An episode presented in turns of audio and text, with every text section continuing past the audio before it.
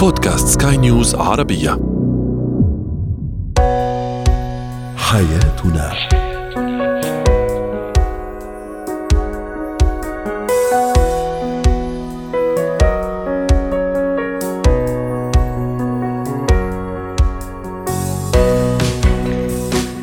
مستمعينا الكرام أهلا بكم معنا إلى حياتنا فضاؤكم اليومي الذي يعنى بشؤون الأسرة وباقي الشؤون الحياتية الأخرى والذي يمكنكم الاستماع اليه عبر منصة سكاي نيوز عربيه dot com slash بودكاست وباقي منصات سكاي نيوز العربيه الأخرى شاركونا عبر رقم الواتساب 00971 561 6223 معي أنا أمال شاب اليوم نتحدث عن الشريك الذي يغار من شريكه وليس عليه.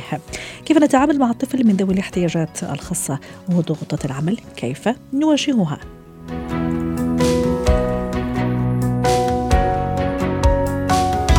هو وهي. زوجي يغار مني وليس علي أو زوجتي تغار مني وليس علي. نتحدث اليوم عن الشريك الذي يغار من شريكه من الطرف الآخر. رحبوا معي بإكرام خليل الاستشارية النفسية والأسرية ضيفتنا العزيزة من القاهرة. أهلا وسهلا بالأستاذة إكرام.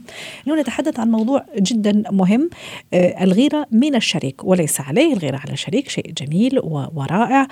إذا كان في حدوده المطلوبة وفي حدود هذه الغيرة المحمودة. اليوم إذا يغار مني شريكي من نجاحي أو شريكتي زوجتي أقصد أو زوجي من نجاحي أحيانا من تغييرات عملتها في, في, في شكلي يعني الغيرة من الشريك. هل هي طبيعية أم بالعكس؟ تستدعي أن ندق ناقوس الخطر ونكشف وننبش وراء هذه الغيرة وأسبابها.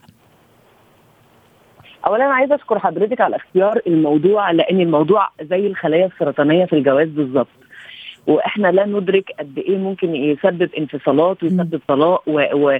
وموضوع يبان بسيط لكن هو موضوع خطير وعميق. الغيرة بين الأزواج. م. أول حاجة إحنا عايزة ن... مش ناخد الشق الأولاني إن بعض الزوجات بتقول إني أنا بشتغل و... وبرجع أول ما بلقى نجاح بلقى جوزي الناحية الثانية صوته بيعلى ويحب دايما جملة قالتها لي زوجة يخفز بيا الأرض. الكلمة دي أنا بلاقيها كتير مع الزوجات. الحقيقة إنه بعض الأزواج الغير واثقين في نفسهم في رجولتهم عندنا صورة مشوهة عن الرجولة إن لازم يبقى الست أقل من الراجل. فطبيعي جدا لما تيجي الست تاخد وضعها في المجتمع أو تشتغل بيحس بشيم أو عار إن هي بتشتغل وبتنجح يبقى أنا فين موجود؟ يبقى أصل الفكرة بتاعت الغيرة عند الرجالة أصلها فكرة مسمومة فكرة أقول لك بذرة قديمة قوي اسمها لازم الست ما يبقاش ليها صوت ولا مش موجودة والراجل هو دايما يبقى هو اللي بيشتغل أو مشهور وكل ما بتشتهر الست وهو ما بيبقاش مشهور زيها أو ما بتشتغلش أو أو هي بتبقى أنجح في حاجة معينة بتهز رجولته. دي فكرة طيب. خاطئة. طيب. وكمان فقط حتى نوضح كمان أستاذة إكرام إنه موضوعنا اليوم بشكل عام عن الزوج والزوجة عن الشريك والشريكة كمان أيضا في زوجات يعني يبدين نوعا من الغيرة من الامتعاض يعني في نجاح معين غير شكل معين ممكن كان بدين جدا ثم غير جسمه سيروح صار يروح للجيم لقاعة الرياضة. فيعني حتى نكون كمان عادلين ونحاول الموضوع يعني نحاول إنه نضيء عليه. إيه إيه أنا فاهمة ففقط حتى أوضح للأستاذة إكرام إنه كمان الغيرة أيضا قد تبديها بعض الزوجات يعني غير محصورة فقط عند الرجل. الاستاذة إكرام كيف أتعامل إذا فعلا زوجي يغار من نجاحي من شيء أنا عملته من شيء أنا حصلت عليه من شكل معين من شكل مع يعني معين. زوجتي أيضا تغير مني أنا كزوج. أول حاجة إن أنا دايما أتعامل مع الطرف الآخر إنه لو وقع في مشكلة منه مش عدو وأخدها على نفسيتي إنه قد إيه هو في حفرة أمد إيدي وأشيلها. فينفع أبص على الطرف الآخر إن كان زوج أو زوجة زي ما هبدأ أخليني فير مع الاثنين إن أنا أبدأ أبص على الآخر إيه هو أصل المشكلة. فدايما اللي بيغير يبقى عنده شعور بالنقص أو شعور بصغر النفس إن أنا مش كافي أنا مش انف كفاية. فببدأ أنا كزوجة أو زوج أتعامل مع ملف الدونية أو صغر النفس اللي عنده. أقول له أبدأ أشتغل عليه إنه أنت مش قليل وأبدأ أشجعه وأحفزه. وفي نفس الوقت أبدأ أنا كشخص أنا حايز على النجاح ده ما اجيش أقول له إن في بعض الشخصيات فينا فيها جزء نرجسي. إن أنا على فكرة أنا رهيب أبدأ أتكلم أتكلم أتكلم والشخص الآخر ممكن يكون بيمر بإحباط. نتيجة مثلا ظروف مادية نتيجة أمور أو هي مثلا ما بتشتغلش قاعدة مع العيال طول الوقت أو تخنت وأنا رحت خسيت وأقول لها بصي أنا بقيت جميل قوي أنا بقيت حلو قوي أنت إزاي مش خاسه كده؟ فما أبدأش طول الوقت أتكلم على نجاحاتي بدون ما اشجع الآخر ان يعمل حاجة ناجحة. فده بيقلل شوية من الغيرة. لكن إحنا كتير قوي بنعمل إيه؟ لما أبقى أنا ناجح قوي أقعد أشاور على نفسي أشاور على نفسي وأجي أقول لها انت ليه ما بتعمليش كده؟ الجملة دي بتثير الغيرة أو بتثير الجزء بيفتح باب كده جوانا. ممكن أحيانا الشك أيضا أستاذة إكرام وهذا كمان من الأشياء التي تدمر العلاقة بين بين الزوجين. بصي الشك والكلام ال ال ال النرجسي. إحنا في حتة رهيبة بدون ما إحنا ندرى إن إحنا بنحب نعظم ذواتنا كتير قوي بنلغي الآخر. تعظيم الذات إن أنا طول الوقت أبقى أنا محور نفسي من غير ما أقول للآخر أنت موجود ده بيخلي الشخص الآخر بدون ما يدرى طب أنا فين؟ طب أنا فين من التاني؟ أجي أحكي لها طول الوقت على بطولاتي. آه أنا كنت بطل في الشغل أنا كنت ممكن أقعد أنا أحكي له على بطولاتي من غير ما أنا أشجعه بحاجة الناحية الثانية فدي جزء من الحاجات اللي بت بت بتعمل جزء من المشاعر الغيرة. جميل. يبقى أول حاجة أنا ما أبدأش أنحصر عن نفسي وعن امجادي وبطولاتي. اثنين الحاجة الأهم إن أنا أشجع الطرف الآخر. لو أنا شايفاه غايب أبدأ أعمل له جو مليان نجاحات. لو هي طبخت طبخة أقول له حلو. لو هي خست حتى كيلو أقول لها شكرا انت برافو. أشجعها تشتغل حتى لو حاجة بسيطة. لو هو اللي غاير أبدأ أشجعه وأكتب له كلام إيجابي. على فكرة أنت حلو قوي أنت أنت راجل في عينيا. في جمل يا جماعة بتهدي العاصفه جميل. في مفاتيح في الجواز مهمه اسمها تهدي الغيرة. مفاتيح الغيرة دي إن أنا أشاور على نقط قوة الآخر. مش هقول له أنت ليه غير مني؟ وانت ليه كده؟ لما أجي ألومه الغيره هتزيد لكن لما أبدأ أشاور على نقط قوة الطرف الآخر في الجواز الغيرة دي زي النار هتخفض وهتبقى كلا لا شيء. رائع. حضرتك ذكرتي نقطة كثير مهمة. حتى نختم مع حضرتك. قلتي إنه من بين الأسباب اللي تخلي شريكي زوجي يغار مني مش علي أو زوجتي تغار مني هو إحساسه أو إحساسها بالدونية. كمان أقدر إحساسهم بالنرجسية الأشخاص اللي بيغيروا مننا. بمعنى إنه هو الوحيد اللي بحق له إنه ينجح هو الوحيد أو هي الوحيدة اللي حق لها إنه تكون جميلة هي الوحيدة اللي بحق لها ممكن تروح للجيم وتتغير. عرفتي كيف؟ كمان حتة النرجسية قد يعني نجدها عند هذا الشخص الذي يغار مني الزوج الذي يغار مني أو الزوجة التي تغار مني. النرجسية وراها جذر عميق قوي اسمه الدونية. النرجسي على فكرة مش شخص حاسس إنه مهم قوي. النرجسي من كتر ما هو حاسس إنه ضعيف قوي فبيعظم ذاته. هو دي حاجة ماكرة حاجة في الدفاعيات إن أنا بحس إن أنا ضعيف قوي فبحس إن فبحقر من اللي قدامي عشان كده علاج الشخصية النرجسية اللي بتجوز نرجسي إنه قبل ما النرجسي ده ياكله يبدأ هو يديله حتة في كرامته في إنه أنت مهم أنت شخص حلو قوي. انت مالي عيني انت ماليه عيني. في نفس اللحظة دي في حتة مهمة جدا. الغيرة بتتولد كمان نتيجة الغيرة. ان أنا طول الوقت بدي اصحابي أكتر من جوزي بدي اللي حواليا أهلي بهتم بواحدة ست أو بهتم براجل. الغيرة الخارجية ساعات بتخلي ان أنا مش موجودة. هو مش بيهتم بيا. صحيح. جزء منه من الغيرة نقص الاهتمام. واضح. شكرا لك سيدة إكرام خليل الاستشارية النفسية والأسرية ضيفتنا من القاهرة.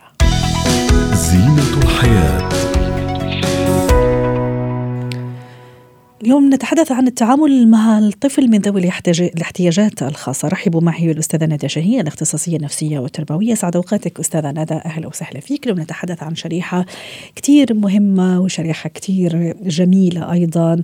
ربنا سبحانه وتعالى يمكن حرمها من شيء بس أعطاها أشياء أخرى رائعة. إذا ما إحنا اكتشفناها واشتغلنا عليها كآباء وأمهات أكيد يعني راح نخلي هذا الطفل مميز جدا. الطفل من ذوي الاحتياجات الخاصة. أكيد التعامل معه يبغى له كثير حرص كثير اهتمام كثير دراية وكثير اطلاع أيضا. أستاذة ندى كيف أتعامل مع الطفل أو طفلي من ذوي الاحتياجات الخاصة؟ شو لازم أكون عارفة بها قبل ما يعني أخوض هذه التجربة تجربة تنشئته وتربيته؟ أهلا وسهلا بك. يا أهلا وسهلا. أهلا. الطفل من ذوي الاحتياجات الخاصة على قد ما هو في البداية أول ما الأم بتعرف إن هي ابنها من ذوي الاحتياجات بتبقى زي صدمة أو بيبقى في خوف من هو أنا مش عارفة أنا داخلة على إيه أو إزاي هتعامل معاه والكلام ده كله. صحيح. رقم واحد عشان الدنيا تبقى لطيفة وسهلة مع الواحد إن هو يعرف إيه نوع ال ال الديسابيلتي أو المرض اللي عند ابني أو الشيء أو الإعاقة مثلا أو الاختلاف اللي راح يكون فيه هو مختلف عن عن عن أقرانه أو الاحتياج الخاص اللي ممكن هو راح يحتاج له أكثر من أقرانه. نعم محتاجة أول حاجة بس أكون فاهمة على دراية بايه هو اللي عنده بالظبط إيه طريقة التعامل الصح معاه؟ طبعا بتختلف يعني الإعاقات كثيره جدا بتكون موجودة بس أهم حاجة رقم واحد عشان الدنيا تبقى ماشية سموث ولطيفة معايا إن أنا أكون على دراية إيه هو بالظبط اللي عنده. والفكرة انه الأطفال من ذوي الاحتياجات الخاصة في حاجات إحنا بالنسبة لنا بنبقى عارفينها كده اللي هي بالكومن سنس أو بالحاجات اللي هي طبيعي إنه مثلا إن الطفل لما مثلا يدخل الحمام آه، يعرف مثلا يغسل إيده طبيعي إن هو يبقى شايف معلقة وطبق يعرف ياكل بيهم. لكن الطفل من ذوي الاحتياجات الخاصة في بعض منهم ما بيبقاش مستوعب يعني إيه معلقة يعني إيه طبق. حتى الأكل اللي قدامه دوت هو إزاي يحطه في بقه. الكلام دي الكلام ده كله تفاصيل إحنا عارفينها عادية بالنسبة لنا بس في بعض الأطفال لأ ما عندهمش دراية بيها خالص. فإزاي إن أنا كأم أكون عندي وعي أنا ابني عنده إيه وأبتدي أعلمه خطوة بخطوة؟ جميل. سألتيني سؤال إزاي أنا كأم أساعد ابني أو إزاي أقدر أعمله؟ رقم واحد تقريبا دي موجودة في كل الإعاقات أو معظم الحاجات اللي أي طفل عنده آه، ذوي احتياجات خاصة أو عنده إعاقة معينة. رقم واحد إن أنا أعمل له جدول آه، في صور. يعني الحاجات التفاصيل البسيطة مثلا أنا داخلة الحمام هو داخل الحمام. نعم. أعمل له جدول إن هو محتاج يفتح باب الحمام يقفل باب الحمام وراه يقف مثلا آه، قدام الحوض يفتح الحنفية يقفل الحنفية. التفاصيل بسيطة المفروض إن هي تتعامل بسهولة بس لأ أنا محتاجة أحطها له على شكل صور أو على أيوة. صور في جدول معين بحيث إن هو يستوعبها ويقدر يتعامل بيها معاه. كده بقى في كل حاجة في يومه. يعني هي ما بتبقاش مهمة سهلة قوي بس بيكون ده من أهم أحلى العلاجات وأسهل العلاجات للأطفال والتعامل معاهم بطريقة ألطف إن أنا أبتدي أعمل زي حاجة اسمها تاسك اناليسيس أو أي مهمة أعمل لها تحليل آه، دقيق جدا إن هو يقدر يتعامل بيها معاه. في البعض مثلا في بعض الأباء والأمهات أنا أنا سمعت البعض منهم اللي عندهم هذه الأطفال من أصحاب الهمم أو من ذوي الاحتياجات الخاصة آه، يقول لك لا أنا أعامله زي ما أعامل أخواته حتى ما يحس ب دونية حتى ما يحس إنه في اختلاف. أه لا أنا ما أفضل أنا أقول يعني شو شو بيقولوا. مثلا ما أفضل أعمل مثلا برنامج خاص. لا هو مع أخوته راح يتعلم منه ليهم ويعني بالممارسة ويوميا خلاص راح يتعلم. فقط هون فتحت قوس. اذا عم نحكي الآن أستاذة ندى على مرحلة أو تجاوز مرحلة إنكار الإنكار والتأقلم مع الوضع الجديد من قبل الاباء والامهات القراءة الاطلاع الجيد معرفة أصلا طبيعة الاحتياج الخاص هذا لابني محتاجه. تدريب الطفل هذا النوع من الأطفال أستاذة ندى على مبدأ الثواب والعقاب تشوفيه مفيد مهم؟ آه الثواب والعقاب من أهم الحاجات يعني إحنا مش بنقول عقاب بنقول عواقب. يعني أنا أو تقويم أو تقويم خلينا نقول تقويم تقويم السلوك. أو تقويم. فالثواب والعقاب مهم جدا أو الثواب والتقويم مهم جدا في في في المنظومة التربوية عامة سواء الطفل عنده آه، إعاقة معينة أو لأ لأنه لو أنا الدنيا قدامي كلها مفتوحة وما عنديش أي مشكلة إن أنا أغلط طيب إيه اللي هيخليني أغ... اللي هيخليني ما أغلطش؟ لو أنا مسموح لي كل حاجة دلوقتي إيه اللي هيخليني ما أعملش ده؟ نظام الكون ذات نفسه إحنا مثلا عندنا إشارة المرور ما بنتخطاهاش عشان عارفين العواقب بتاعت تخطي إشارة المرور. فكرة إن الواحد بيعمل أعمال صالحة ليه أو بيعمل حاجات صح ليه ما بيعملش حاجات غلط بيبقى فيه الواحد آه لازم يكون عنده فكرة أو الأهل يكونوا في البيت عاملين فكرة مثلا زي reward chart اللي هي بتكون زي جوائز للأولاد نشجعهم إن هم يعملوا حاجات كويسة في البيت طيب آه لو ما عملوش مثلا ممكن نتفق على سلوكيات معينة ممنوعة في البيت نعم. أو سلوكيات ممنوع إن إحنا نعملها وفي بقى كل سلوك إيه العواقب بتاعته جميل يعني أنت لو تصرفت نعم. يعني هيكون في عواقب مثلا طبعا العقاب ما بيكونش بنوتي تشير ولا اللي هي الحاجات إن هو عقاب فيه أذى نفسي للطفل. طبعا. بنقول آه، أو عواقب إن هي مثلا من من جنس اللي هو عملها. أو مثلا بنقول له طيب هنتفق إن أنت مثلا لو ليك الحاجة المعينة دي أنت هتروح مثلا مكان معين يوم الجمعة مثلا لما تخلص.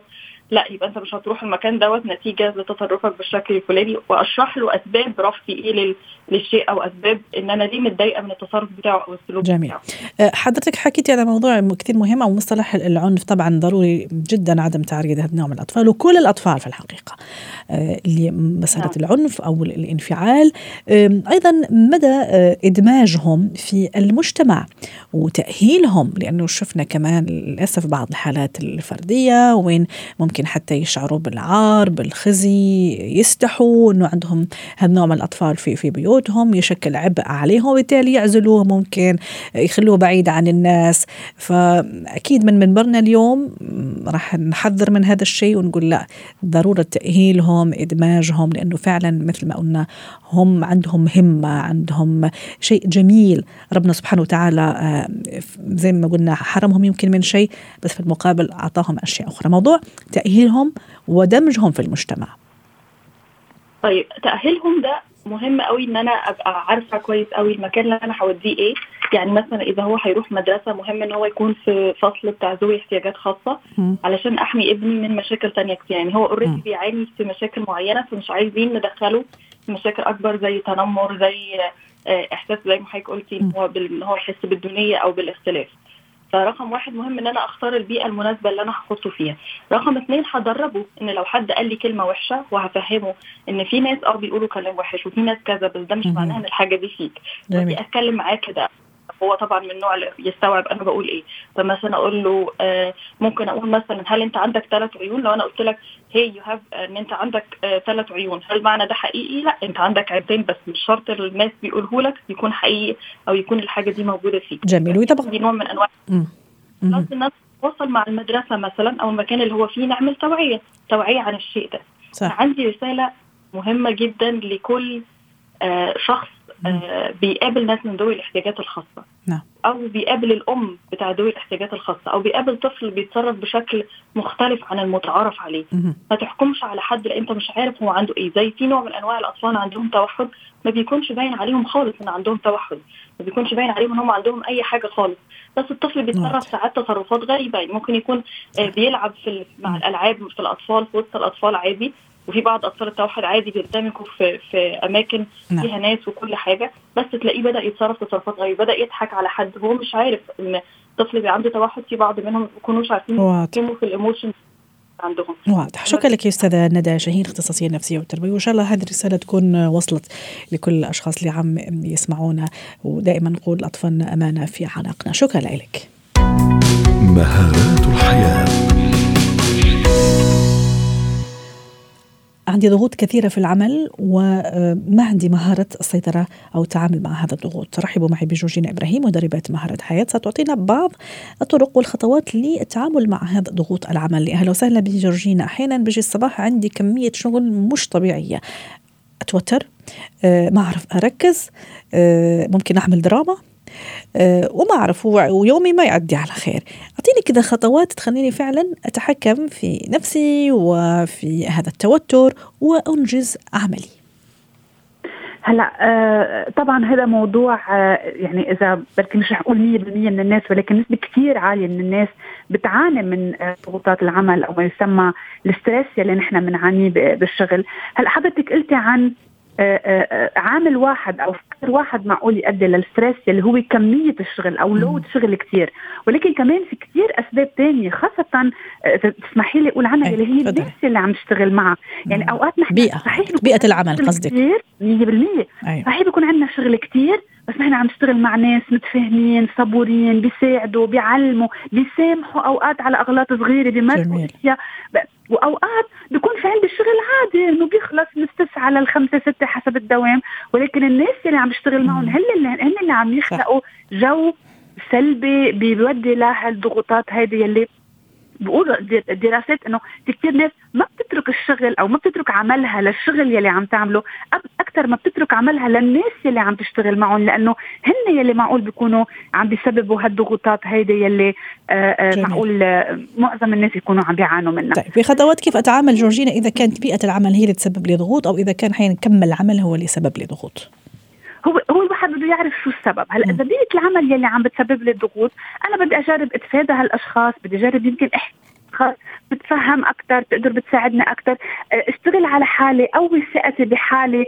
آه، آه، آه، قوي معرفتي حتى ما أكون بقى عم بغلط وحدا يمكن ناطرني على الغلطة لحتى يكون عم يعطي انتقادات هون في خطوات هو الواحد بده ياخذها آه، آه، آه، مع حاله. يعني بيكون عم. بيقوي حاله عم بي يمكن يتمرن يعطي أجوبة مناسبه لأي انتقاد يمكن عم عم عم, عم يوصل له فهنا للناس اللي إحنا وإذا فينا نتجنب هالأشخاص يعني ما نكون عم نتعاطى معهم. أوقات ما بنقدر صحيح لأنه عم نشتغل مع بعض فبدي أسألك وبدك تسأليني. بطبيعة الحال ما فينا نتجنب بعض ولكن قدر الإمكان حتى نحن ما نسبب خلينا نقول هالعلاقة السامة يلي بتكون يلي بتكون موجودة. طيب. هلأ بما يتعلق بالعمل هلأ في أول شيء بيقولوا لك بدك تعرفي شو المهم وشو الطارئ وشو منه مهم وشو منه طارئ. يعني نحن عندنا عدد ساعات معينة. هيدي الفكرة من الموضوع إنه الحياة كلها سوا. في في كثير أشياء يعني من كل الموارد في كثير إلا الوقت هو محدد. آه عندنا عدد ساعات معينة نحن بدنا نخلص فيها. وخاصة إذا في غير قسم بالشركة بيعتمد على نعم. اللي نحن عم نشتغله لحتى هو يكمل آه شغل عليه. فأنا بدي انتبه كثير منيح. شو هي الأشياء المهمه وشو هي الأشياء الطارئة؟ بدي أنا أجرب قدر الإمكان أبتعد عن ال ال الأشياء اللي بتسبب بتلهي. يعني إن كان social media يعني مثلا نحن على طول بالتدريبات إنه جربوا على اللابتوب قدامكم أو الكمبيوتر قدامكم ما يكون في الفيسبوك والإنستغرام والى آخره لأنه هيك من دون ما الواحد ينتبه بيفتح فيسبوك وبيسردها 10 دقائق ربع ساعة. طيب هذا وقت ضايع يعني آخر شيء عم نضيع نحن وقت. فبدنا نجرب قدر الإمكان إنه نبتعد عن الأمور يلي آه، آه، بتلهي. ويكون في عندي أيوة. plan يعني أنا اليوم أيوة بدي أعمل خط بدي أعمل step 1 2 3 4 5 بدي يكون حتى أنا شو بدي أشتغل وشو بدي إنجز بهذا النهار. رائع. جورجينا حضرتك ذكرتي على الأشياء اللي تلهي يعني الملهيات اللي بتلهينا أحيانا عن العمل لكن في نفس الوقت ضرورة الاستفادة والاستغلال الجيد مثلا لفترة الراحه ال break مثلا. آه، في أشخاص فعلا إيه. بياخذوه مثلا استراحة الغداء مثلا يستخ... يعني يستغلوه أحسن استغلال أو يستفيدوا منه أحسن استفادة وفي ناس لا بالعكس يزيد يوترهم أكثر وأكثر فيرجع للعمل موتر أكثر. 100% نحن ما عم نقول واحد ما ياخذ break ما يشرب نقطة مي ما ياخذ الغداء بالعكس هيدي أشياء مهمة. حتى بيقولوا بالنصائح إنه الواحد إذا بده يتغدى ما يتغدى قدام اللابتوب يلا باكل ساندويتش على السريع. صح لا صح لازم نعمل disconnection لازم نوقف لازم نفصل. أي 10 دقائق بس أنا عم بقول هيدي الأوقات يعني أنا كثير أوقات مثلا هيك بتطلع بقول طب ليه ليه الموظفين ربع عم يعملوا like و comment و share على فيسبوك هني هلأ لازم يكونوا بشغلهم يعني الساعة 11 وربع هو عز الشغل بالنهار. فهيك يعني عم بحكي أنا عم بعطي مثل بس من باب هيك الفكاهة بس إنه أوقات تقولي طب هيك يعني هلأ وقت الشغل مش وقت إنه واحد يلتهي بي وفي كتير أشياء بتلهي. يعني صح. الواحد بضيع وقته بيوصل الساعة 5 6 بصير واحد يندم على إنه ما ما استغل مزبوط شكرا لك جورجينا إبراهيم مدربة مهارات حياة ضيفتنا العزيزة من بيروت.